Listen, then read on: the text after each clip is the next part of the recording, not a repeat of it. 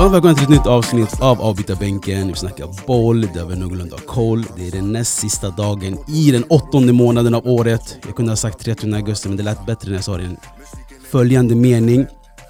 Även idag är vi tre i studion. Det känns, som att vi undviker att vara två hela tiden, du och jag Mustafa. Eh, men det är alltid skönt att ha någon gäst här. Eh, faktum är ju att vår logga inte består av två stolar bara. Eh, det är några stycken. Eh, så den tredje är för gästen, den fjärde är för dig som lyssnar och den femte är för, för allmänheten. Den femte är för hela fotboll, fotboll betyder för världen. Eh, så låt oss fokusera på den tredje stolen. Eh, idag har vi med oss Akram, a.k.a. Wiki. Han har varit med tidigare. Ehm, det är en ny gammal gäst.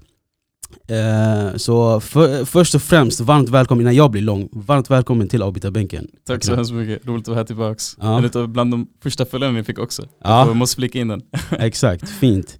Eh, om ni vill lyssna på Akrams första avsnitt, låt mig tänka nu. Rött avsnitt, Exakt, Rött vin. Fråga mig inte varför den hette så.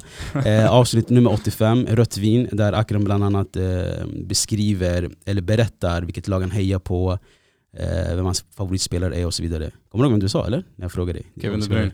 Och du sa en annan spelare också. Du sa Kevin De Bruyne slash... Del Piero? Nej. Eller, nej nej nej, du sa Kevin De Bruyne som bästa Xavi, efter. Xavi, precis, exakt, exakt mannen utan höfter. Xavi Iniesta. och du sa? Han har magmuskel i nacken. Exakt! Alltså jag vet inte om du har lyssnat på ditt avsnitt innan du kom hit. Det är det, minnet, det är minnet. Ah, du kallar sig till Wiki i onödan. Eh, Mustafa sitter här bredvid mig också, välkommen till podden. Ja, tack så mycket. Det, det, det, man försöker vara två men eh, det känns som att vi har alltid en eh, stol eh, ledig så när han gillar att ha någon här som kommer in och inflikar. Men det är mysigt. Alltså jag gillar att ha, alltså jag har haft Mustafa med mig i 120 avsnitt, kom igen. Jag har tröttat på hans röst lite. Nej jag skojar. Ja, byta bänken ska vara en hel bänk, eller hur? Exakt så länge man inte petar till läktaren, man är bänken. exakt du må, exakt du må. Um, men alltså, vi ska, alltså jag vill bara hoppa rakt, alltså vi har så mycket att snacka om alltså.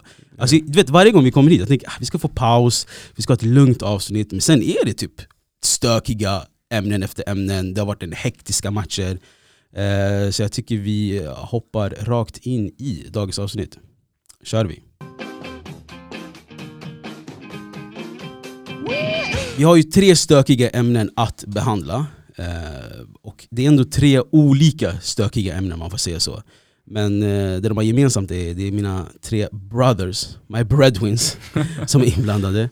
Eh, Alexander Isak, eh, Pierre-Emerick Aubameyang eh, Paul Pogba. Paul Pogba. Alltså jag, jag neglect him, sen han lämnade United. Det det. Ja exakt. För andra gången dessutom.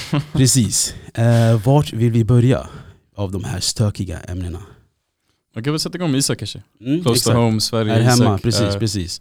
Eh, Alexander Isak som är namnen på allas läppar, kanske inte allas, allas svenskars läppar eh, i osportslig sammanhang kan man säga. Eh, de har inte fokuserat på vad värvningen betyder för Newcastle och eh, Eddie Howe och huruvida han kommer liksom peta Callum Wilson eller Chris Wood. De har valt att fokusera på annat. Eh, vadå Akram? Precis. Uh, uh, stort tack än en gång för att jag fick vara här och delta. Måste bara flika in det, lite stort fan och jätteroligt att vara tillbaks. Känner mig som vi är på P1, du vet, SR. Vad sa du? SR, när folk tackar ja, precis, efter precis, tre exakt, minuter igen. Det känns som att vi är stora namn, förstår du? Man är stora namn, men det är stor ära, eller hur? Nej men hur som helst så blir det här, och vi, man är lite inne på att tyvärr ibland är det svårt att sammankoppla eh, politik och idrott. Och det som har uppmärksammats nu på senaste tiden, det som har varit på tapeten, vilket man kan tycka är lite synd och kontroversiellt, är att eh, det som har skapat rubriker är ju inte att en lovande ung svensk eh, fotbollsspelare med eh, eh, utländskt påbrå för den delen, eh, som gjort ett gediget jobb, även om man har haft lite Sverigesånger i Real alltså Sociedad. Eh, men det som uppmärksammats är kanske inte hur lovande det kommer bli i världens bästa liga, det är ju ifall han tar ställning till att Newcastle har eh, quote unquote problematiskt styre dess kopplingar till Saudiarabien. Eh, Simon Bank skrev en artikel, Olof Lund skrev också en artikel som var ganska eh, häpnadsväckande om jag får tycka till. Så det är väl där lite vad, vad, vad var det Olof Lund sa i korta drag? Eh, Olof Lund backade Isak, eh, Simon Bank var lite mer kritisk om jag förstått det rätt. Eh, det Olof Lund sa specifikt var att eh, självklart ska vi ställa fotbollsspelare till svars. för vilka val de gör. Men han tyckte att det tyder lite på dubbla måttstockar med tanke på att man inte ställer politiker de här frågorna med tanke på Sveriges kopplingar till, om man ska vara lite metapolitisk kring länder som vi i vår mening menar är problematiska i deras styren. Eh, och att han skrev exempelvis varför inte Henrik Stensson får motsvarande kritik. Han skrev en liknande tour i Mellanöstern.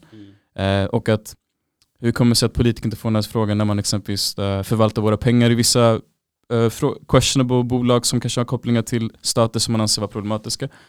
Och det är det, och jag och Dini pratade lite innan och jag personligen tror om jag får dela med min åsikt att det är lätt att vara en individ som Alexander Isak och vara politiserad. Då kommer man per automatik bli scrutinized, som jag gillar att använda ordet för.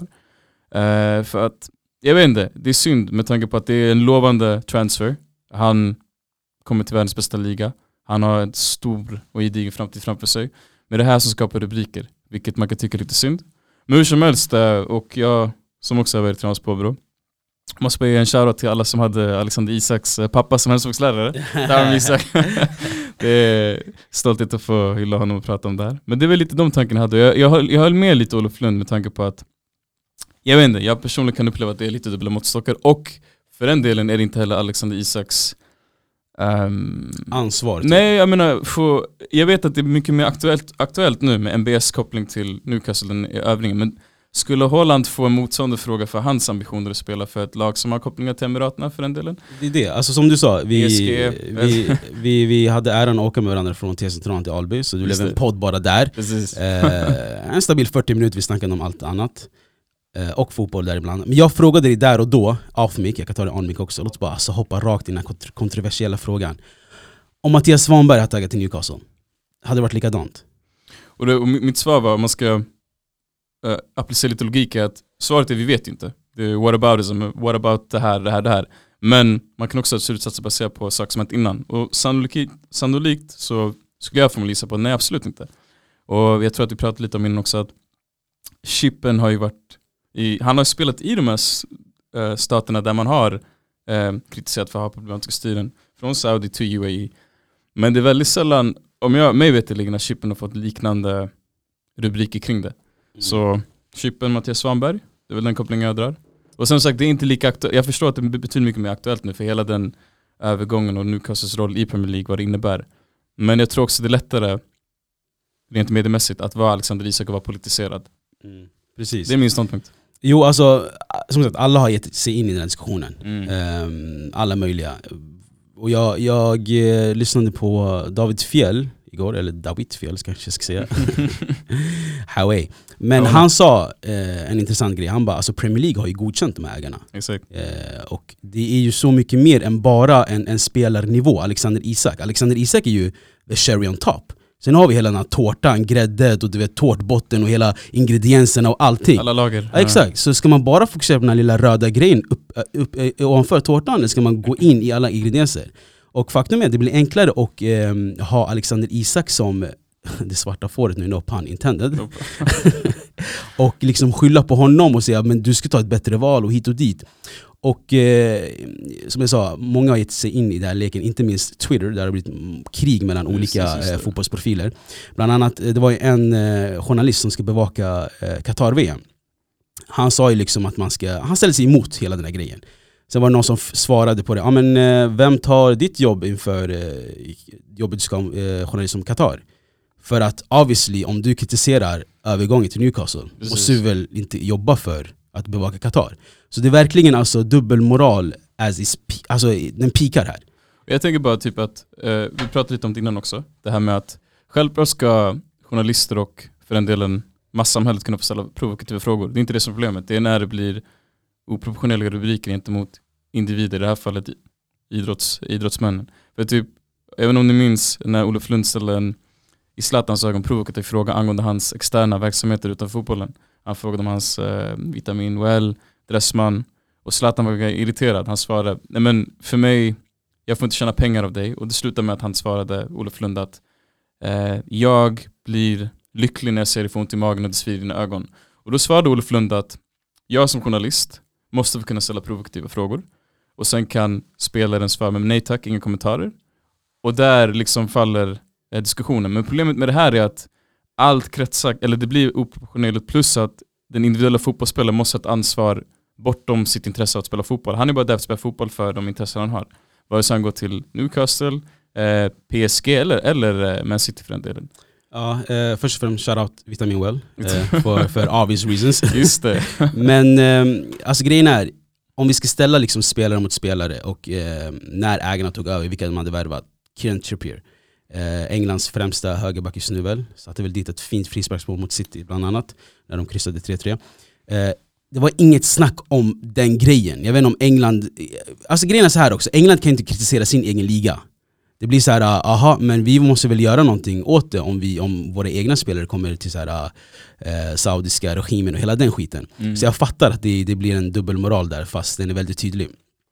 Men till exempel Chris Wood, Nya Zeeland, Mm. det är väl där han är ifrån. Precis. Ingen har sagt någonting där heller. Nej.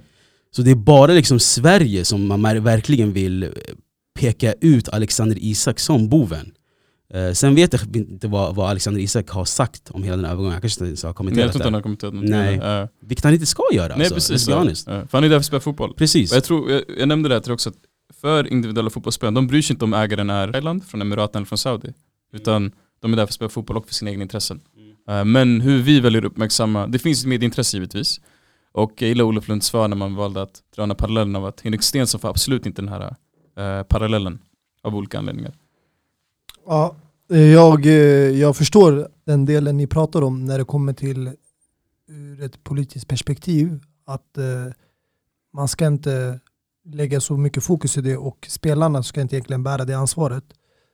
Men ur ett fotbollsperspektiv, jag är också kritisk till den värvningen.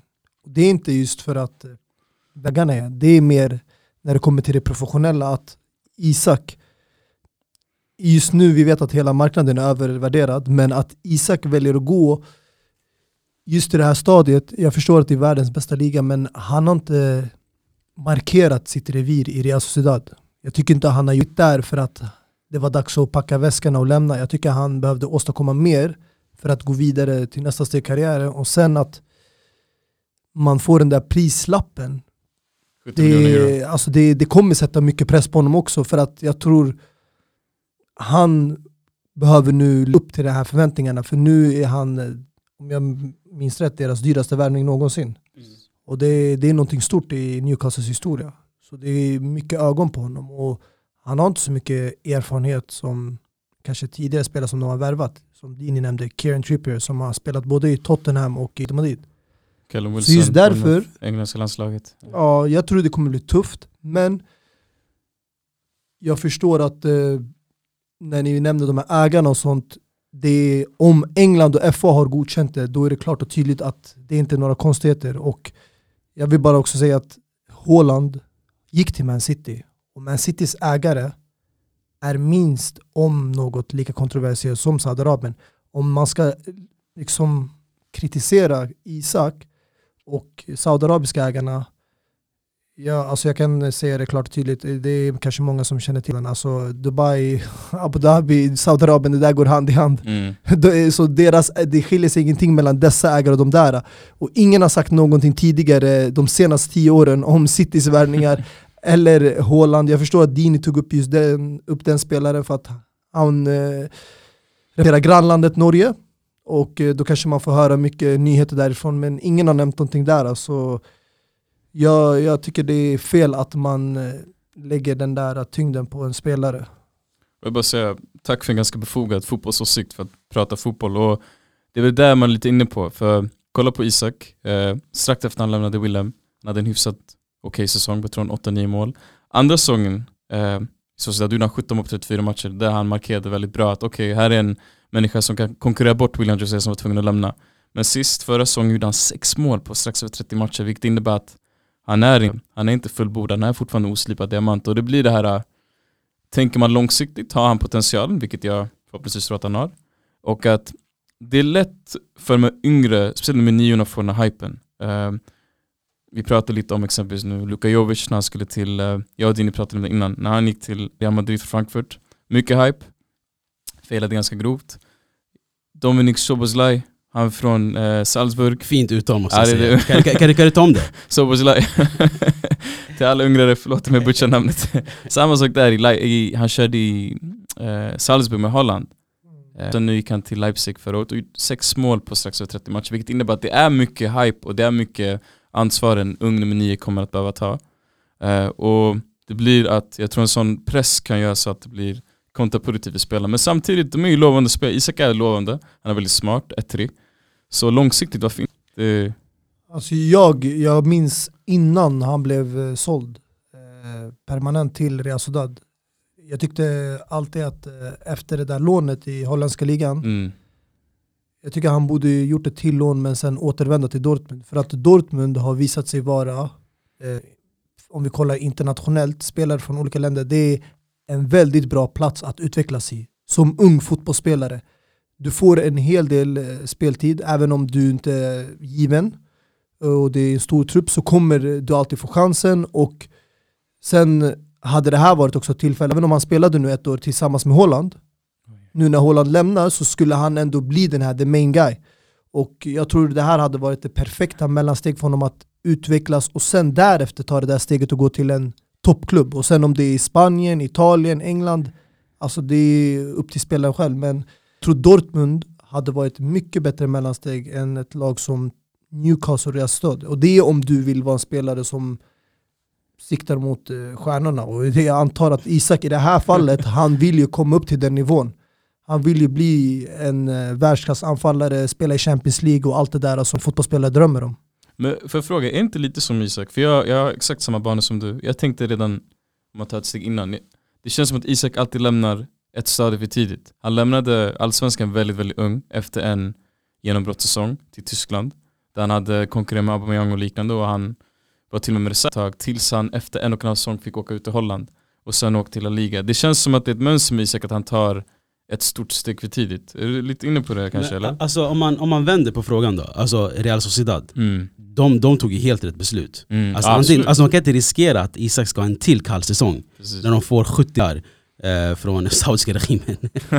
eh, alltså ingen säger nej till det. Så grejen är, för jag ska vara helt ärlig, alltså jag, om jag ska vara helt neutral nu, alltså jag ska ta bort de här gulblåa slash röd, vilka flaggor har ni? Röd, grön, gul färg? Eritre, I alla fall eritreanska och svenska eh, eh, gloggarna. Alltså, jag tycker inte Isak är den bästa anfallaren i Newcastle nu heller. Det är Callum Wilson. Callum Wilson, ja. Callum Wilson är jätteeffektiv, alltså, folk glömmer bort det. också. Ja. Ja. Han är 92 eh, gjorde väl sin eh, landslagsdebut för något, två år sedan typ ungefär. Precis, och gjorde mål på sin land- i Wembley. Precis, precis. Så jag tycker, alltså Isak har en lång väg att gå för att bli den, den nian som Eddie har. Ehm, sen, ja, jag Plus vet, alltså, Wood. det, det man glömmer bort är shunon är 23 år väl, Mm. ungefär? Född 99, 99, ja, exakt, exakt. Så alltså folk blommar, folk blir si- sina bäst, de, de når sin peak när de är 26, 27 kanske som anfallare. Så han är jätteung alltså. Det får man Plus- glömma bort. Chris Wood, som bombade i Burnley innan. Alltså de, de har ju, vet du det, ehm, de har stabila anfallare i... Ja, nej ja, jag tycker, jag förstår uh, ur ett ekonomiskt perspektiv, alltså vi brukar alltid prata om det här med eh, att spelare väljer pengar. Eh, och trots Så allt, jag är inte alltså, för det där, eh, för att jag tycker ändå eh, att man ska gå till en plats där man kan utvecklas på rätt sätt. Dini, till skillnad från mig, jag förstår honom också för att han ser fotboll också som ett jobb, vilket det är för dem. Mm. Och han har alltid varit support att liksom unga spelare kan gå till Kina eller USA eller gå för pengarna. Mm. Jag har alltid varit kritisk till det här, men i det här fallet, jag tror varför Sverige har gett honom mycket kritik, det kanske har med saudiarabiska regimen att göra, men jag tror också det är för att de känner att motivet i det här fallet var pengar. För att eh, han hade förmodligen haft större chans att utvecklas, eller fortsätta sin utveckling i Real Sociedad och La Liga, än i England, och det är därför han gjorde det här valet också. Och det är en win-win situation. Real Sociedad får stora pengar, för en spelare som inte är värd den summan och en spelare kommer få en lön han, han har fått i någon tidigare klubb. Så det är det motivet är, jag tror man lägger bara skulden på ägarna men egentligen har de ingenting med det här att göra. Och om man ska nu vara så kritisk, då kan vi bara gå in i truppen och då kan Sverige börja släppa ut artiklar och kritisera er kraft Mm, är att varför där. du är kvar där, om eh, nu ni har en så kontroversiell ägare, packa väskorna och leta efter en ny klubb. Precis. För att hans nästa kontrakt, om han får kontraktsförlängning, om han blir en backup till Kieran Triple eller vad nu som, han har ju haft en långtidsskada, så vet inte vad som kommer hända med honom, men blir han kvar där, hans nästa kontraktsförlängning kommer garanterat vara dubbla lönen med de nya ägarna. Så det är, om man ska kritisera någon som har precis anlänt, då kan du kritisera någon som är redan där och har gjort sig hemmastadgad. Får jag bara säga också, att man får ändå ge, inte cred till Newcastle, Newcastle är ett intressant lag nu. Alltså, vi har nämnt Kieran Trippier, men Bruno Guimaraes, uh, Sam Exum är väldigt, väldigt effektiv nu på senare tid, plus Wilson och Wood och Almiron. Wils, väldigt, Wilsons Wood. Eller sa du? det är alla där. Vi har, vi har barn som lyssnar. nej det är det. Och sen, nej men Miguel Almiron pratar också väldigt fin spelare, de kryssar 3-3 mot City. Det är ett fint lag som har potential att bli någonting också, så man får ju se den biten i tårtan som ni pratar om också. Mm. Det, är, det är inte vilket lag som helst, det är inte att han åker till Kina utan han åker ändå det, till det är Premier vi League-lag. fotbollsfans Äh, har inget emot sådana här ägare. Att de dyker upp och eh, gör sådana här förändringar, det blir spännande för oss Precis. att se och följa det här projektet. Jag förstår att vissa som inte kanske är så insatta i fotboll eller är de är mer fokuserade på det som händer utanför fotbollsplanen. Då lägger de mycket ner tid och energi på de här äh, negativa aspekterna. Egentligen det där tillhör inte fotbollsvärlden. Alltså de här ägarna har flera företag. De genererar pengar från massa andra håll. Varför fokusera på den här fotbollsdelen som är så vacker och fin? Mm. Alltså det är som precis Akram sa i början, alltså man kan inte en, alltså utesluta det ena från det andra. Alltså politiken och fotbollen hör ihop nu, alltså let's be honest. Men eh, det intressanta är det här med ägare, vi ska snart gå, eh, gå vidare till det andra kontroversiella ämnet. Men jag vill bara kort säga, ehm, eh, vad tänkte jag? Jo, alltså har ni tänkt på att spelare går inte till Kina längre alltså? Mm. Det är för att hela den här covid, ingen spelar där längre. Spelar de fotboll där än så länge i den här ligan? Så jag menar, alltså obviously spelar de, alltså det har kommit nya ägare i Europa och de värvar spelarna som vi får se också, så det är också kul. Men man måste ändå kunna ge, ge plats till de här olika diskussionerna, att de får liksom ta plats. Eh, vilket, men, men, men att man lägger all fokus där tycker jag också är lite fel, att man ska ha en balans. Vilket vi försöker göra här i avbytarbänken. Eh, men det roliga faktum är att eh, Isak kanske inte blir spelklar mot Liverpool. För har ni glömt att England är i Brexit, utanför EU, han måste söka, söka arbetstillstånd vilket har inte kommit än. Det är så jävla kladdigt där alltså. Men ännu kladdigare blir det för Aubameyang. Vi snackade om Dortmund, Spanien, så jag tänkte den här segwayen är inte svårt att eh, koppla det till Aubameyang.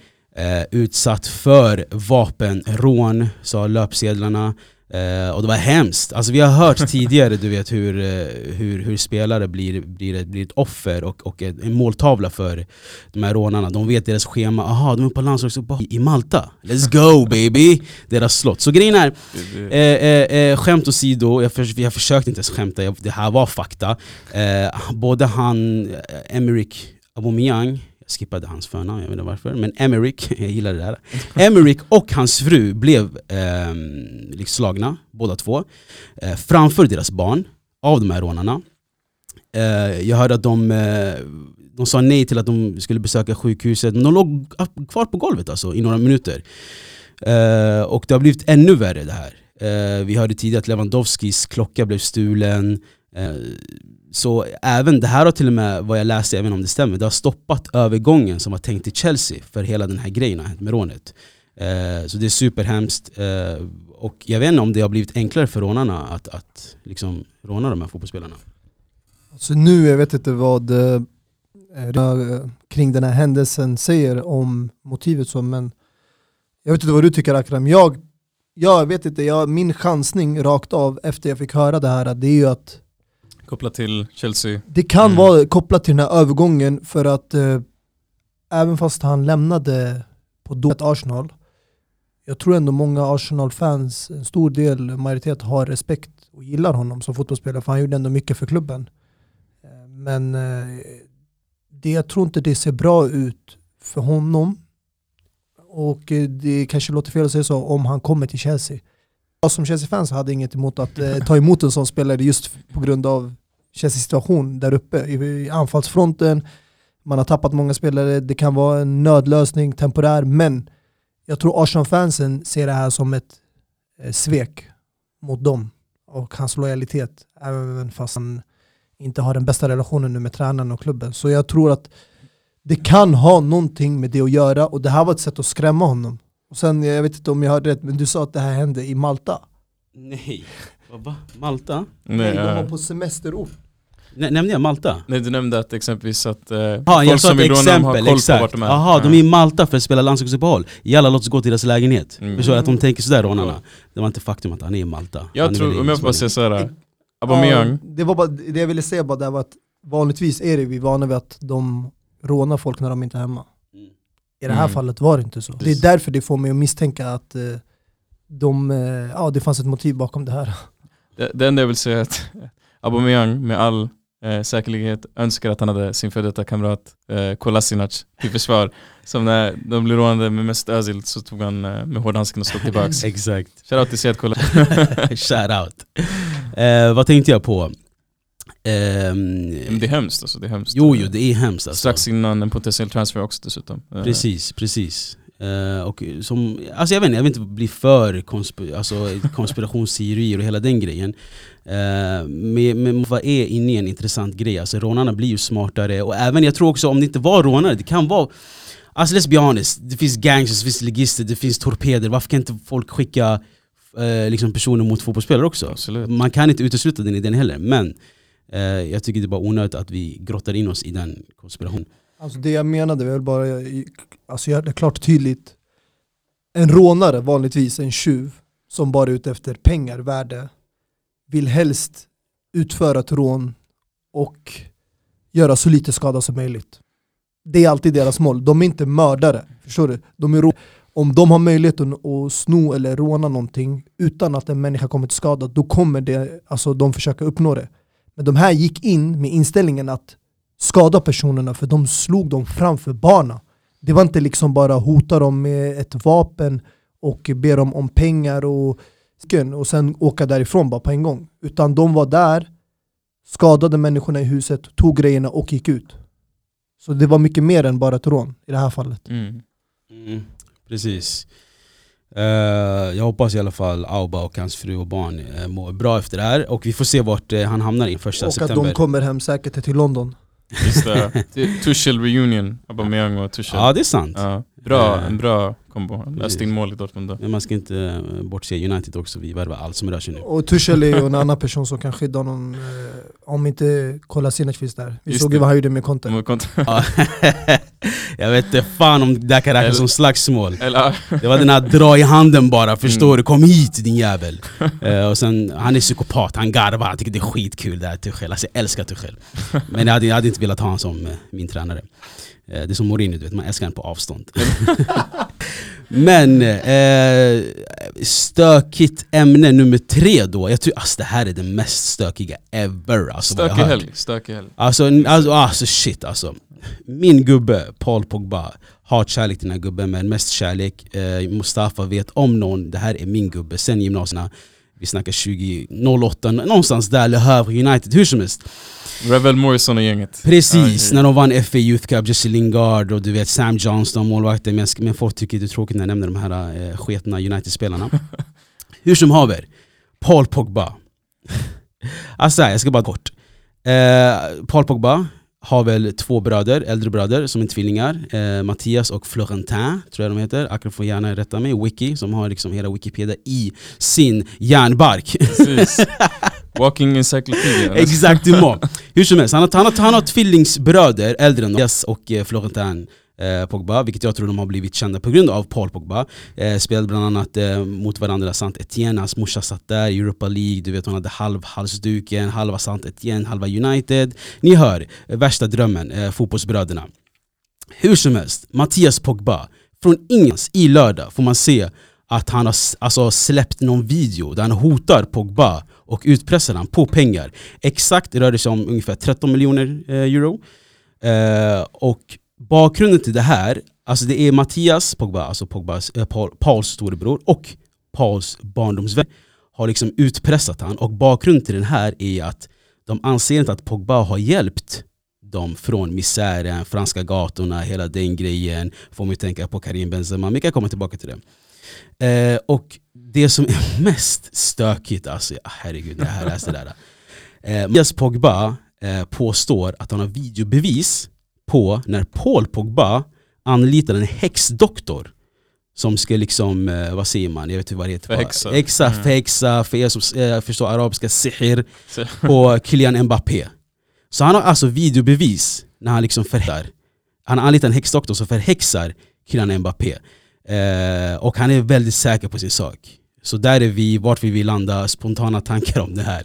Alltså det jag läste, jag, jag, nu vet jag inte om jag missade någon del, men det är att eh, hans brorsa, Pogbas bror Mattias, då, han eh, anser sig vara oskyldig och att han blev tvingad till det här videoklippet som han släppte ut. Eh, och eh, begärde 11 miljoner som en ransom för att de tydligen låta hans bror vara i fred. Men han, Pogba själv, misstänker att hans bror är en del av hela det här som händer. Komplicit.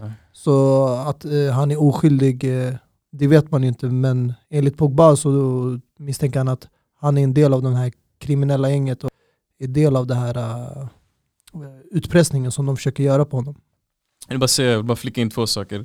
Uh, Dino var lite inne på det här med att han allegedly har anlitat en, uh, en uh, häxdoktor för att förhäxa Mbappé. Och ett inslag som Mattias Pogba säger, eh, för de som inte vill, eh, Paul Pogba är född kristen men konverterad till islam för ett par år sedan. Eh, och då sa Mattias Pogba, ja men kolla, vad är det här för muslim som använder sig av svart magi så att säga för att förhäxa en lagkamrat dessutom. det är det första, jag vill bara flika in. Och det andra är, om man får spå tillbaka, jag inte, jag tänkte ställa frågan till er, nu med tanke på att Pogbas är, även om han har fått många bragder och han har vunnit VM-guld och liknande, den har varit turbulent. Om det här är så att det stämmer överens med Mattias Pogbas story och att det, att det finns någon slags ka, ka, kaos där genom åren, kan det här vara kärnan till hans turbulenta historik, alltså med fotboll? För han är en spelare som är färdighetsmässigt, jag tror jag kan hålla med om, världsklass färdighetsmässigt. Men disciplinen är kaos. Men alltså det har varit så pass off med honom, alltså upp och ner Det skulle kunna vara förklaring, oj okej, okay. fair enough det, Han kan ha varit rubbad, disciplin, tro lite för mycket för sig själv, man vet aldrig eller? Alltså det här, alltså ifall det här stämmer, besvara så många frågor jag haft genom, mm. genom, genom alltså, tiden Alltså hela den här grejen, aha det är därför Luke Shaw har blivit fet. Aha det är därför David de Gea släppte in de där målen mot Brentford. Aha det är därför Scott, förstår du vad jag menar? Hela den här Fred, alltså det skulle förklarat jättemycket varför misären. Därför Rashford gör mål och fjärde match. Okay, från, från när han gjorde SM-mål med Louis van Gaal när han var typ 18-19 Exakt. Så du menar att eh, förbannelsen på de Gea är kvar eller? För att vi såg ju vilket mål han släppte in den här säsongen och Pogba hade ju lämnat eh, vid det skedet men, men tror du som att man lämnar tillbaka en tv, att tvn försvinner? Den här, den här förbannelsen hänger kvar, rester du vet trauma, trauma. Man måste göra du vet, eh, eh, ruqya om jag ska gå in på de här, de här termerna Trauma, det måste bearbetas Exakt, du må. Så det jag försöker säga är, om det här stämmer vi ska inte utesluta det. Mm. Eh, du skulle förklara Uniteds misär alltså. Eh, jag vill inte påstå att den började från 2013 när Ferguson lämnade. Men han har varit ändå en United-gubbe sen, sen i unga dagar, men fan vet, så jag vet inte. Men, men jag, nej, alltså jag tycker bara det, det är skitroligt att bara spekulera det här med Luke Shaw och David Gea. Ingen, ingen så body shaming och fat shaming till Luke Shaw, men kom igen du är fotbollsspelare. Om någon gång man ska fat shama någon eller body shama, det är, det är alltså elitidrottare. Eller Vad händer? Ja, det är klart, du ska ju absolut inte skärmas. Du har ju fat shamat Higuain, Många fotbollsspelare, uh. Higuain, Hazard. Jag nej, Mohamed Said när han var här berättade varför Higuain gick upp i vikt. Ja, jo men det är ändå fat shame. Sen att maten är god i Spanien, det är en annan femma. Nej, alltså jag är den sista som ska fat shama for obvious reasons. Men det jag försöker säga är, det skulle faktiskt besvara många frågor om det här stämde. Jag tror, jag ska vara helt ärlig Jag tror Loki Pogba är skyldig alltså Alltså för grejen alltså, han har väldigt, varit väldigt tyst, han har gett 100 000 euro mm. redan Eh, men det som Mustafa tror speak att Mattias Pogba är, det, det är en, ni har sett videon, det är, en, det är någon gun bakom kameran, förstår du? Men jag vet inte, för grejen är, de kom ju eh, förbi träningsanläggningen i Turin Många barndomsvänner, mm. och han kände igen sin brorsa, sin brorsa exakt, Precis, dem, ja. så det är sjukt ändå att Pogba har Mattias som måltavla och inte säger liksom ah, de här barndomsvännerna, jag tror de har liksom, eh, påverkat min bror, lalala. men det är verkligen bror mot bror här Det som gör det konstigt mm. Jag tror i det här fallet, det här med häxskiten och jakten, jag tror det där är rent skitsnack. Att det här, han har gjort någonting med United. Det, det kan stämma det här med franska lagkamrat Mbappé och om det är sant så kommer det ha stora konsekvenser, alltså konsekvenser för honom i landslaget och framtiden. Men jag tror inte, alltså det, ah, hans bror, jag tror inte han är helt oskyldig för att när man kollar på tidigare bilder, videos med Pogba och hans bröder. Han verkar ha haft en jättebra relation med dem. De kommer jättebra överens, de har alltid roligt ihop. Så att nu man pekar finger, jag tror han vet vad för relation hans bror har med eh, de här kriminella. Och ja, om han känner honom bäst så tror jag att han är medveten om att hans bror samarbetar med dem. Och det är lite uppgjort. Så jag tror inte Pogba i det här fallet är skyldig. Men han känner sig pressad på ett sätt för att om det här historien stämmer med eh, häxjakten och eh, Mbappé då kommer det ha stora konsekvenser för honom. Och vi har ju ett VM som ska spelas. Och om det här kommer ut så kommer ju en av de här spelarna bli varslad från landslaget. Och vi alla vet att det inte är Mbappé. Det är det. det är ju Pogba, alltså med hans ålder och sen hur viktig han är för landslaget just nu. Och det som är sjukt, när man tänker på det, det är fascinerande att det här är inte, eller Tinagra är nytt för Frankrike, men det här, en sån här händelse är inte ny. Nej. Benzema och Valbuena var ju liknande händelser där Benzema, var Ribéry, alltså Precis, Evra, Precis, utpressning, Anelka, ja exakt mot dem Fågeln, släpp ut mig från finkan, liksom eh, The Cage, de låste in. Alltså det är, Det. Frankrike, det är sant. Alltså det är Mycket drama. mycket drama och väldigt många kontroversiella händelser alltså kring just landslaget, inte Ja. franska ligan. Minns ni exempelvis mot uh, Frankrike-Schweiz? Tydligen så ska Rabios mamma hotat och anklagat Mbappé och Pogbas mamma för att de är själviska på plan. Men det som är intressant med det här är att, jag vet inte om ni minns, ni tänkte på det här, att när Benzema Valbuena Gate-händelsen hände, eh, kopplingar till utpressning och så vidare, då var det jätterubbat för landslaget. Benzema varit avstängd trots att han inte blev fälld. Men det skapade en rubbning tills han väl kom tillbaka. Så det här kan ju skapa en betydligt mycket större rubbning med tanke på hur stor Pogba är. Jag tror att Pogba var mer betydelsefull för Frankrike nu än vad Benzema var då runt 2012 om inte jag har rätt fel.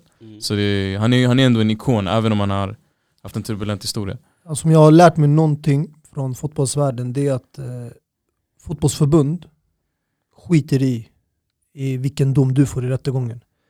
Alltså även om du blir oskyldig dömd, som Karim Benzema. Mm. Det finns tidigare händelser som, jag vet att det är känsligt för eh, Dini och Rio Ferdinand, men John Terry incidenten exakt, blev också oskyldig dömd i rättegången. När det kommer sen till beslutet från eh, FA eller ett fotbollsförbund i Frankrike eller England, de kommer alltid stå på offrets sida. Men det är så det ska vara också, alltså tills liksom det motsatt. Som, som till exempel Mason Greenwood. Självklart måste du stå eh, på hans eh, ex-tjejs sida för du har liksom det tills alltså liksom, eh, motsvarigheten bevisar sig. Eh, om han är skyldig, då får man ta det det. Men just nu, det vi har att gå på, det är de här videoklippen, det han har sagt och hela den grejen. Men varför de har tystat honom, jag fattar inte heller. Men det är, det är en helt annan grej. Vi pallar inte gå in i stökig rubrik nummer fyra, Mason Greenwood. eh, exakt, men eh, vi måste ändå snacka om fotbollen, vi måste snacka lite helgen. Eh, vi var i Turin, du snackade om Rabiot, du är Juventus-fan. Jag tycker vi kan ändå landa i Serie A lite tänker jag. Ja Eh. precis, eh, rakt på sak. Dybala assist, tillbaks i eh, Allianz Arena som det heter nu. Eh, Precis. Tam Abraham gjorde mål. Eh, inte om ni såg den kontroversiella eh, rubriken där Mourinho sa Tam Abraham gjorde inte så mycket, Dybala var den som eh, sken mest. Eh, absolut, och Allegri bal, eh, det är det man spelar Vad i tycker du om man lägger boll? Jag vet inte om du har sett den här bilden eh, vår producer la upp på instagram, det är den här cirkeln bara. Yta, precis. Det ser ut som en galax på en fotbollsplan. Snälla förklara what's going on. Nej men Allegri nu på senare tid, eh, han, vann, han kom ju till Champions League-final vartannat år eh, med Juventus innan, så han har haft en gedigen historia med Juventus. Men nu har eh, han kritiserats. To be fair to him, han har viktiga spelare borta, Chiesa, som enligt mig är en av Serie A's bästa spelare, om inte den bästa i form. Det anses väldigt ineffektivt och det anses väldigt tråkigt, det finns ingenting i mitten, allt går runt kanterna. Eh, och det är bra om man har Di Maria på plats, men när Di Maria skadas kommer man inte förlita sig på att allt bara kör på kanten.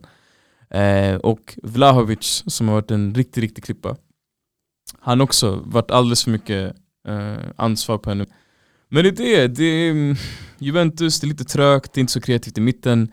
Du har Rabiot, du har Locatelli, du har inte det här eh, flair som kanske en, en Bruno Fernandes för att ge Manu lite hype. Eller eh, Sterling, Kai Havertz, Donovan, Chelsea, det man behöver liksom mitten, man har inte det utan det är väldigt träbent. Och då förlitar man sig på en nummer nio som gör mål, även om ni såg frisparksmålet mot uh, helgen innan. Ja ja, precis, ja. och han är, där har du någon som man kan eventuellt jämföra med Haaland, men det är lite för ineffektivt och lite för mycket längs ytorna. Eh, och man vinna matcher och vinna mot storlag och vinna titlar, då behöver man mer kreativitet i mitten. Så är det bara. Men känner du att eh, nu i det här fallet, eh, efter all den här kritiken och snacket som har gått runt Allegri, alltså jag tänker ju på just nu det som dyker upp i mitt huvud det är ju Mourinho Mm. uh, on the way down. Och eh, det man tog upp bland annat var ju att sådana typer av tränare är verkligen beroende av att just få sina typer av spelare som passar just deras fotboll, deras filosofi och det ska också vara spel som är direkt världsklassnivå när du får in dem. Det är ingen du ska behöva bearbeta och försöka få den här unga spelaren eller medelmåttiga spelaren uppnå sin fulla potential. Och vi har ju sett till exempel Allegri tidigare, du nämnde hans historia med Juventus. Då hade han ju väldigt många stjärnspelare. Pirlo, Vidal, Pirlo, Marquis, Vidal, unga Pogba, Mark, exakt. Vi har ju hela listan där. Och sen Mourinho likadant när han var Real, Chelsea. Nu har han ju gått ner. Mm. Känns som att han har accepterat en mindre roll. Tror du det är dags för Allegri också att ta det där steget att antingen acceptera ett lag med inte lika bra spelare av samma del som han hade tidigare, inte kanske en trupp där varje position är världsklassnivå eller kanske det- måste man byta klubb för att Juventus har ändå de här höga ambitionerna och det kommer inte hålla med Allegri. Men det är det och jag tror att alla spelare och tränare för det måste komma ihåg sina rötter. Allegri började ju, eller inte började, man var i Cagliari som ni säkert minns innan. Han hade ett halvdant lag med Alessandro Matri bland annat och Conti om ni minns dem. Sen gick han ju till Milan och Milan var inte heller ett färdigt lag. Han byggde ju upp sakta men säkert med Ambrosini, Thiago Silva, Zlatan kom, Cedorf, Urbi Emanuelsson. Men laget han vann liga med Milan, Men han byggde det var- upp dem sakta men säkert. Han fick ju dem på fat. men det Eh, var stjärnlag. Vi det var- pratar om stjärnspelare. det var, ah, jo, det är stjärnnamn, det är världsklass. Precis, och samma sak med Juventus när han kom till Juve. Han erövrade ett, ett Conte, alltså Exakt. alla Conte Mm. absolut. Och jag tror att man får, man får inte glömma bort att, jag sa det sist också för två år sedan och då var det Pirlo och Sarri, att problemet för Juventus är bortom Allegri. Det är resursspelare, det är ledning. Eh, och jag nämnde det tidigare på väg hit att de flesta lag som har dominerat, minus kanske PSG, City, Bayern som har oändliga resurser, är att de kommer att nå sin topp. Och sen när man inte hinner eh, generera ersättare för de ikoniska spelarna. Barcelona, för, alltså, Barca hade Xavi, Iniesta. Eh, om man inte hunnit replace dem, då kommer det bli att okej, då kommer andra lag hinna ikapp och dominera. Samma sak Juventus, Juventus dominerade i länge som helst. Men ju äldre, ju längre tiden gick och desto längre tid andra lag fick chans att eh, komma ikapp, då försvann Pirlo, eh, nu försvann Elini, Buffon, eh, Tevez, Pogba, Vidal, Pogba kom tillbaks. Samma sak med Chelsea, Chelsea har dominerat, Man U har dominerat, det blir det här att okej, man måste börja om från början och det är där Juventus befinner sig just nu. Så det är bortom Allegri. Men det är just det jag menar. Är han rätt tränare om man inte har lika bra resurser att jobba med? Kanske man borde hämtat in en som är eh, bättre på att jobba med eh, annan typ av material. mm, Har inte tillgång till samma resurser och kanske behöver nöja sig lite med eh, vad klubben kan ge honom. För ja, Mm. jag tycker liksom i Chelseas fall, som du nämnde, det är helt rätt. De var också i Mm. en situation och de har varit där länge. Jag tycker Precis. det här glappet där man ska ersätta de här ikonerna, men det finns ändå en framgång, en viss framgång under den här uh, utvecklingen, Precis. transition. Man vinner ju ändå lite titlar. Det kan dyka upp en Europa, Europatitel, en ligatitel så att man håller sig ändå där på toppen och inte faller ner. För att om du tar till exempel Milan, Barca, de här, de här hamnade i mörkret precis. ordentligt. Nu Barca kanske inte har varit så länge, vi pratar bara om ett år, men det finns, om vi pratar om italienska klubbar som Juventus, Inter och Milan, när de gjorde det här äh, stora steget att äh, byta ut tränare, spelare och börja om på nytt, de var ju utanför Europa en lång period. Och jag tror inte, det, jag tror inte Juventus vill befinna sig i liknande sits. Nej det är det, och bara för att svara på, jag håller med dig helt och hållet. Jag tror att när lag är i uppstartsfas, eh, då behöver de inte en Pep, de behöver en Conte, de behöver en Pochettino, kan bygga upp. Och samma sak där, City kanske inte skulle klara av, eller Conte kanske skulle klara av att eh, coacha City. För att han kanske inte har den kapaciteten att styra världsstjärnor på den biten. Men han kan bygga kapacitet, bygga moral, bygga pondus, bygga DNA. Och det är där tror jag, som du säger, att Allegri kanske inte har den kapaciteten. Också, man får inte glömma bort de här lagen, om man ska komma från fjärde, femte plats att bli konkurrerande, du måste spela fin fotboll också. Och Allegri är inte den mest eh, fina på planen när det kommer till spelande. Men det, det är en åsikt för Du mig. vet förra avsnittet, eh, vi snackade också lite om eh, Allegri.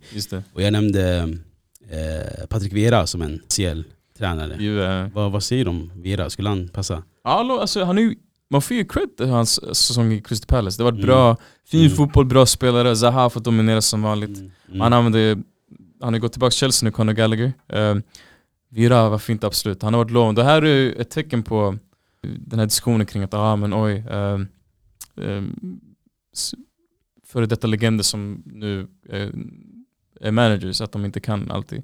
Vira absolut, lovande. Jag gillade ju Pirlo, men jag är lite biased där. Jag trodde min kärlek var honom som spelare, att man inte Ja. gav honom tid. Exakt. Eh, för det var en grej, där hade man Där gav inte man långsiktigt men avbröt kortsiktigt. Så det är någonting sånt jag egentligen skulle vilja se. Men det är lite romantiserat kanske. för Alltså om mig. jag får inflika där, just eh, den där delen när de anlitade Pirlo, jag tycker innan det eh, hände, det, Absolut. alltså jag vet att Juventus har höga förväntningar och så men jag tycker man förminskar Sarri. det Sarri åstadkom, även fast han vann ligan bara med ett poäng så Han vann. han vann och vi måste också komma ihåg att Juventus DNA som du nämnde, det Conte hade implementerat i det där laget och det Allegri tog över, det är inte den typ av fotboll och filosofi Sarri står för och det är därför jag tycker Sarri, som ändå är en mer erfaren tränare än Pirlo, borde fått mycket mer tid och kunna hämta in lite mer spelare, förändra laget och anpassa det. Men vi fick aldrig se det tyvärr, det gick ju bara ett år.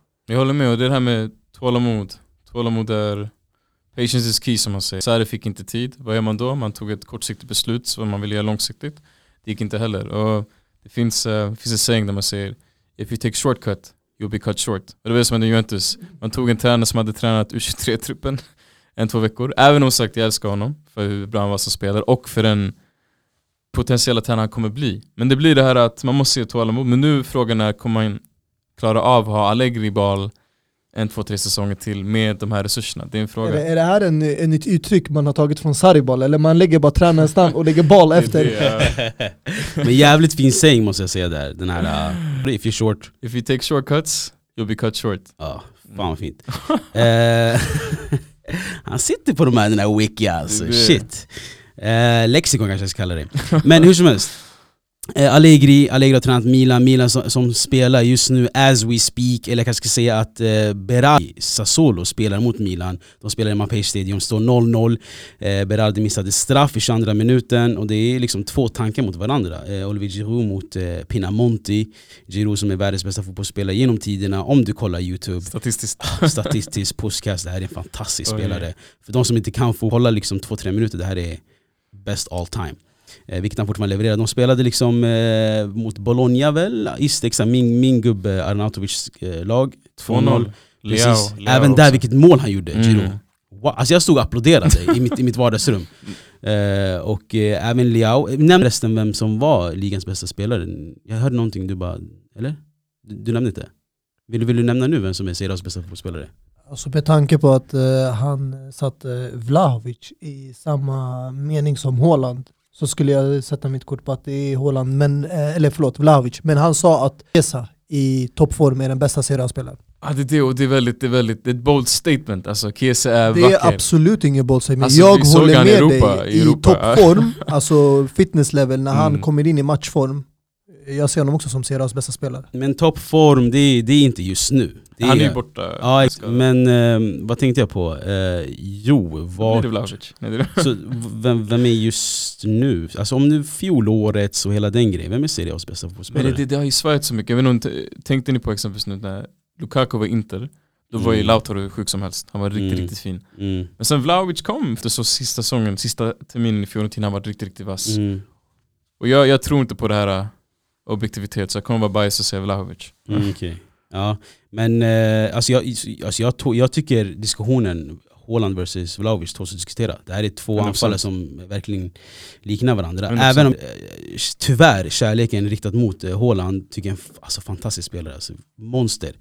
Eh, men fjolårets scudetto-vinnare, Liao och de här, vart, vart placerar du honom? Leo är, Leo är lovande, han är väldigt ettrig och teknisk och han kan spela på kanten också.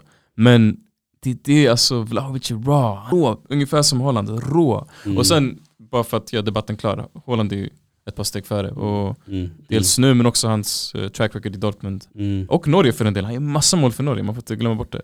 Men Vlahovic han är upcoming, och han, ja, han är upcoming alltså, hans statistik är bra. Han, har, han har en hel säsong på sig nu, eller hur? Ja, han precis. vara förra. Precis, han gjorde nio mål på 17 matcher, matcher ungefär. Ja. För ett halvsvejt Juventus. Och han är så här, han är, han är komplett. Han är stark, snabb, hyfsar bra med bollen, löper bra. Vänsterfot som um, Holland. Det är intressant det här med vänsterfötterna nu. Mm. Det med Ja. Holland är, Jag respekterar ändå att du klart och tydligt säger var biased. Det här är mitt lag. Jag kommer alltså, ge något namn från mitt Juventus. så är det. Ja, Eh, det, jag, jag uppskattar också det för det är väldigt ovanligt eh, bland Serie A-fans kan vi säga. Ja. Men eh, det är som du säger, det är ett par steg däremellan. Exakt. Men alltså på tal så spelarna, eh, Luis Alberto tycker jag också är en fantastisk mittfältare, gjorde ett fantastiskt mål mot eh, Inter, 3-1 i den matchen. Alltså det är någonting med fredagsmatcher, det, är det. du vet på kvällen. Mm. Du vet man kommer hem, varvar ner, har inget på helgen, alltså det är fantastiska. Och Lazio gjorde en fantastisk match också. Eh, beror på vem du frågar, om vi hade frågat vår gode vän Mohamed Abbas kanske han eh, med oss.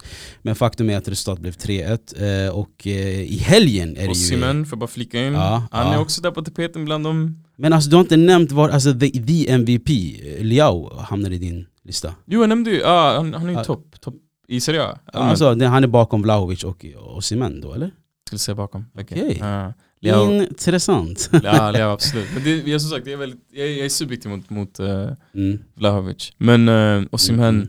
shoutout till eh, James Madisons uh, lookalike i Napoli, Fabio Ruiz. Ni har sett honom, de liknar Ah, jättemycket. ja, alltså, oh, du, nu när du sa det, ja. Pengting kom. Eh, ex- klar för eh, PSG. det är det. Ja. Mm. Eh, superhärligt. Eh, men vad tänkte jag på? Jo, vi måste väl ändå eh, snacka, vi har snackat anfallare och om, när vi snackar anfallare måste Robert Lewandowski nämnas. Alltså, Levan Golski. Ja, vad, vad sa du Müller? Levan Golski. Ja, där ja, exakt. See you again soon. See you again soon. Men alltså, alltså fan, alltså, jag har ju du vet, tvivlat på den här spelaren. Jag har sagt så här, Det är så. alltså grejen är, alltså, jag inte tvivlat så, jag vet vilka, vilka kaliber han besitter och så. Mm. Men vi har sett han i Bayern München, där, där alltså, Ja. Mané och Musiala och de här killarna Koman, Eh, Gnabry. Exakt, sju nollar.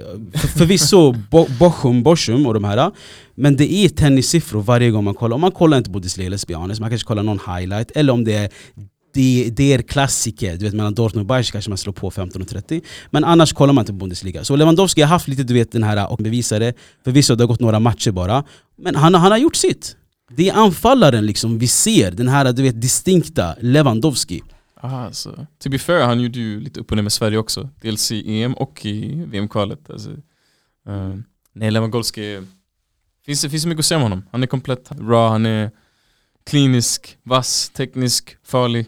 Ja, han visar det som 30, hur gammal är han? 30? 33, alltså för 33, mig ja. det är alltså självklarhet varför Barcelona investerade så stort i honom. Det är inte bara för det han tillför på plan, men också utanför plan, omklädningsrummet och där de har den här eh, perioden där eh, det är svårt ekonomiskt och de har vänt sig till många unga spelare. Lewandowski är en spelare i den här fasen som anses vara en förebild. Och eh, även i Bayern München, fast eh, vi är väldigt kritiska till dem, även där när man såg eh, Bayern München mat- eh, matcher så märkte jag planen hur Lewandowski liksom hjälpte de här unga lagkamraterna runt omkring sig. Coman, Gnabry, eh, Leroy Sané, eh, Jamal Musiala, Joshua. Kimmich. Han var ju som en ledare också, även fast eh, han kanske inte var lagkaptenen. Men eh, jag tycker ändå att alltså, det här är en eh, rätt typ av spelare för Barca och det visar de. Men eh, han har inte gjort shit. Ja, ja, det, här, det här är bara början och vi alla vet en, eh, en vårsäsong kan se helt annorlunda ut från en höstsäsong. Alltså Absolut. halvåret. Så vi, vi, det, om det här fortsätter på samma spår så har det varit lyckat. Men det kommer bli en fin kamp mellan han och Benzema. Precis, och den har redan börjat. Men det jag menar med sitt, han har gjort sitt för mig. Han har redan du vet, har dödat exakt Ja. tvivlen. Och som du säger, inte bara utanför plan, på plan. Du vet när han kallar till sig spelarna efter målen, när inlä- fantastiska inlägg Rafinha gjorde Ah. eh, till Lewandowski. När han du vet, kallar till sig, du vet, pekar och ska fortsätta. Det här är en, det här är interna kaptenen de har. Även om Sergio Roberto tror jag hade binder, eller ja, Ter Stegen. Eh, skiftas mellan de två. Ehm, Kapten för Polen också, så han är ju en ikon, han är en hjälte, han är precis, förebild. precis. Eh, Pedri kom också med i, i, i liksom, eh, eh, blev målskytt mot eh, Real Valladolid. Eh, fantastisk spelare. Men sista målskyttet vill också eh, landa lite i Sergio Roberto som kri alltså folk har varit kritiska mot honom. Men jag tycker, ah, jag vet inte, alltså jag, jag har en tendens att skydda spelare som får för mycket kritik.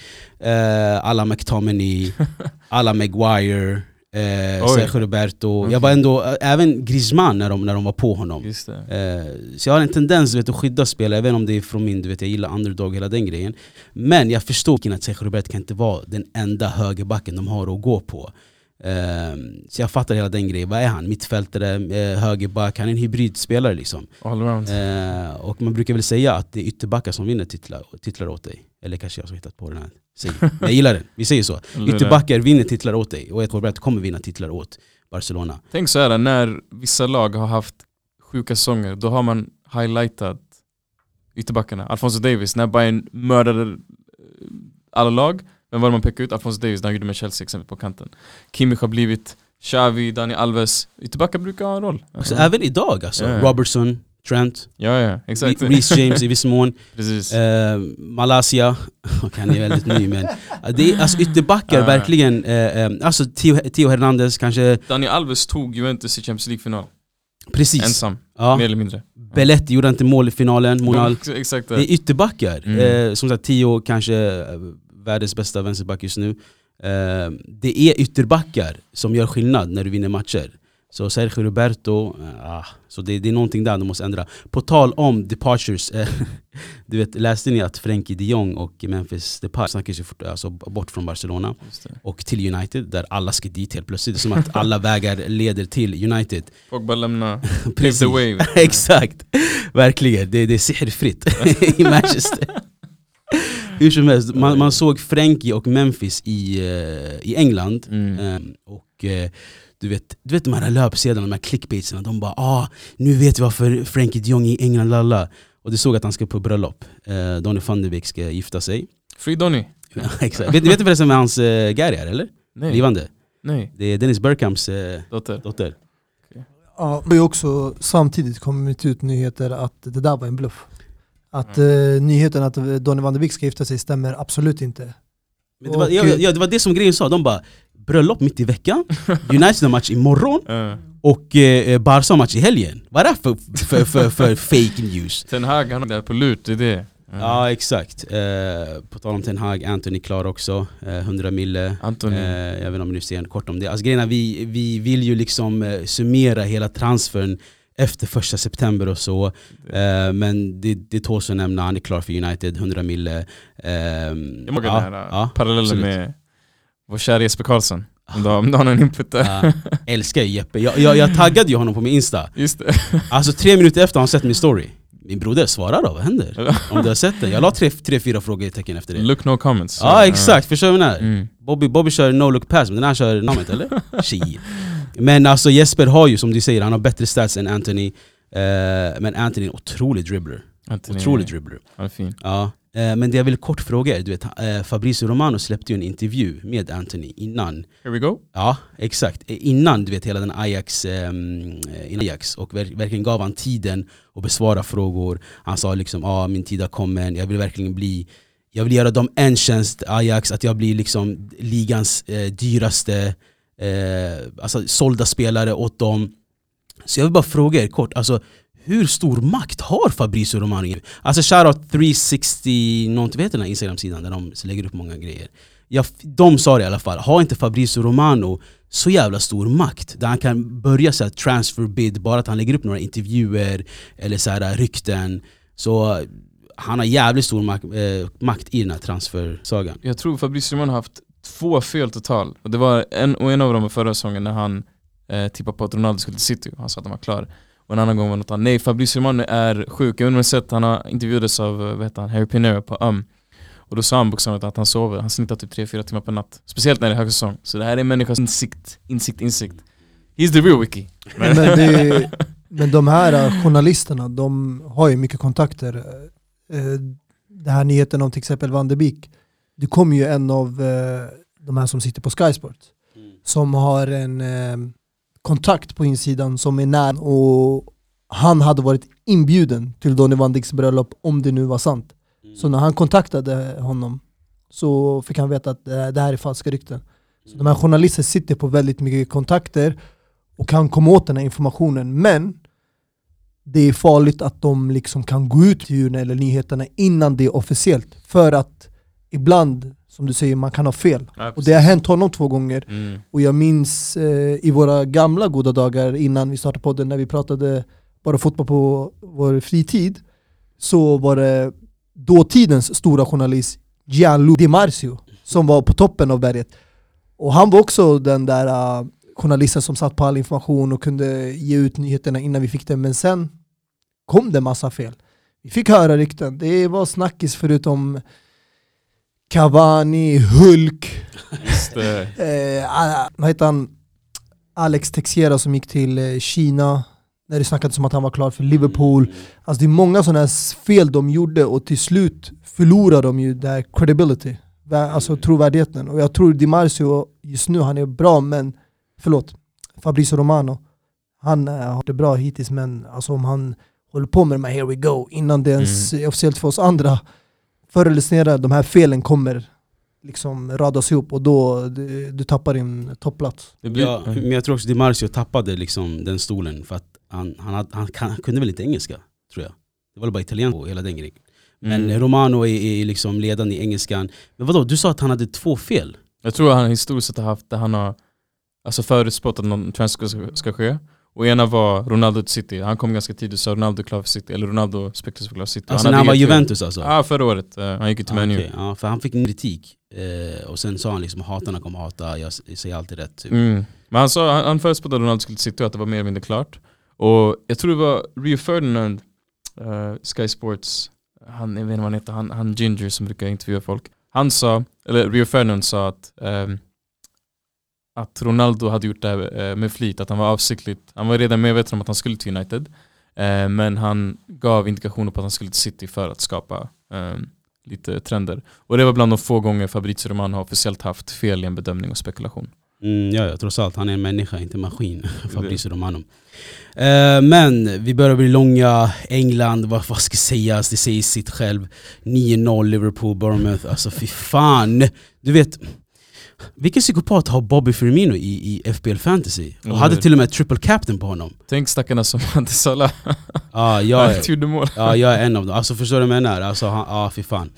Eh, men 9-0 säger sitt, ehm, säger sitt City, för de eh, låg ju under 2-0 mot Crystal Palace. Och du vet, jag tänkte ah boy yes, Crystal Palace, du vet City-dödarna fortsätter, du vet. Ingen kan krossa dem. Sen jag kollar livescore, Haaland. Jag bara just det, de har ju Haaland. Och Bernardo som har ryktats bort också som gjorde ett fint mål. Som enligt Pep ska stanna nu. det är det, ja. Och Haaland, mm. Alltså, ah, fy fan alltså. bra start. Jag hatar att jag älskar honom som, som sagt. Hat kärlek ja. Mm, verkligen. Och eh, jag, jag tycker Haaland var den perfekta lösningen. Det här visar klart och tydligt vad eh, City saknade i sådana här typer av matcher där de hamnade i underläge mot eh, de här mindre lagen som ligger lågt i försvaret och det är svårt att bryta ner dem.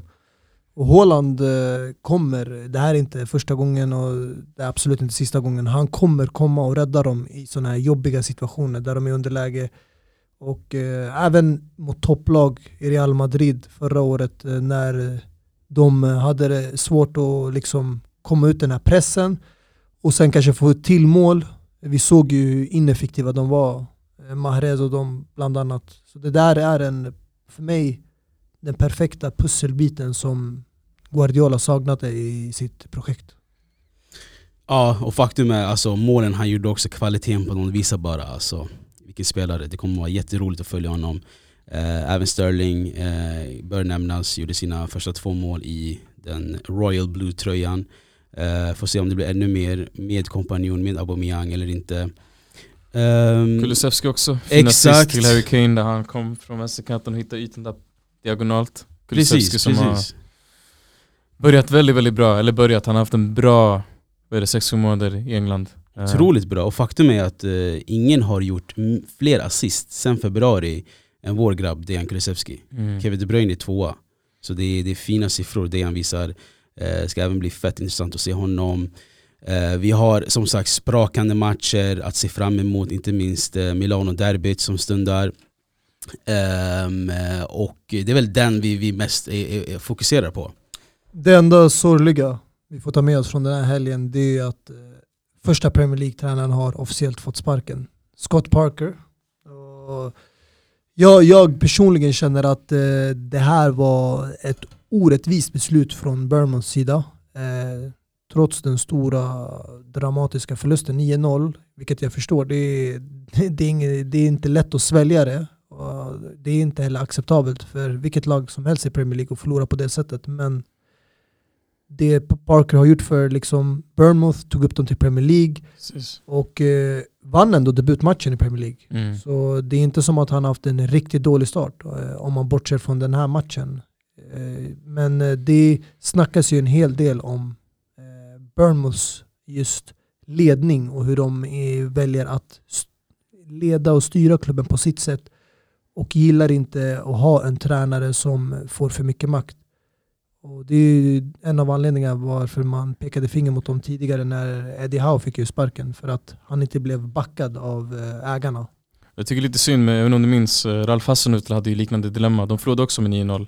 Mm, uh, mot Leicester väl? Precis, två år sedan. Uh, men han fick stanna kvar och han tog upp dem sakta men säkert mm, till mm. momentum. Så det är synd med tanke på att de hade så bra säsong i Championship förra året, men vad ska man göra? Mm, exakt. Eh, det ska ses, alltså det är tisdag 19.45 exakt och om exakt en timme spelar flera matcher. Midweek-omgångar har vi Leeds United eh, mot Everton 21.00 men om exakt en timme som sagt spelar Southampton mot Chelsea. Vi har Inter Cremonese att se fram emot och imorgon eh, är det också flera matcher, bland annat West Ham Tottenham, Liverpool Newcastle. Så det det är liksom hela menyn framför er. Och på torsdag, Leicester mot United. Och sen fredag kanske vi har paus och sen är det matcher i helgen också. Alltså vi är bortskämda, som sagt. Jag ska bara kort kolla vad vi har sett fram emot i, på lördag. Eh, Aston Villa City bland annat, Real Madrid, Real Betis, wow vilken match. Sociedad, Atletico Madrid.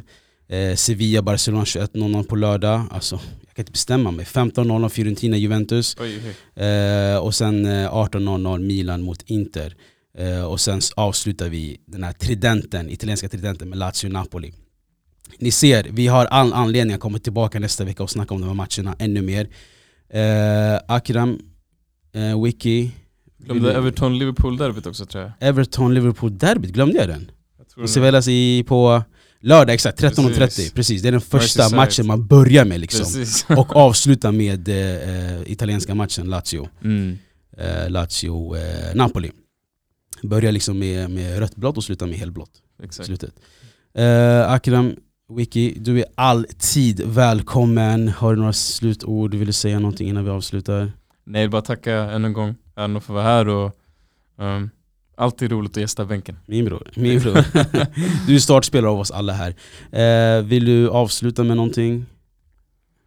Nej jag vill bara... Eh, alltså kanske... någon låt tänkte jag Absolut, ja, absolut ja, Någon, någon jingle, några sekunder i alla fall så vi inte blir bannade Nej men den här Last Last kanske har varit ah, på tapeten varför, okay. varför inte? Burna boy, African okay. Giant Okej, okay. Last Last hör ni i bakgrunden just nu Akram, tack för att du vill komma uh, Vi hörs då folket Peace!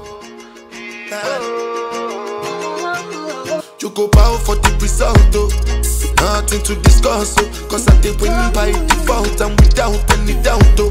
I'm a me happy adult, oh. I no go feed the girl, I no go feed the girl insult, oh. I'm a mind that's you the talk, oh. I put my life into my job and I know I'm in trouble. She manipulate my love, oh. Mm, I know holy and I know that get both like the Baba.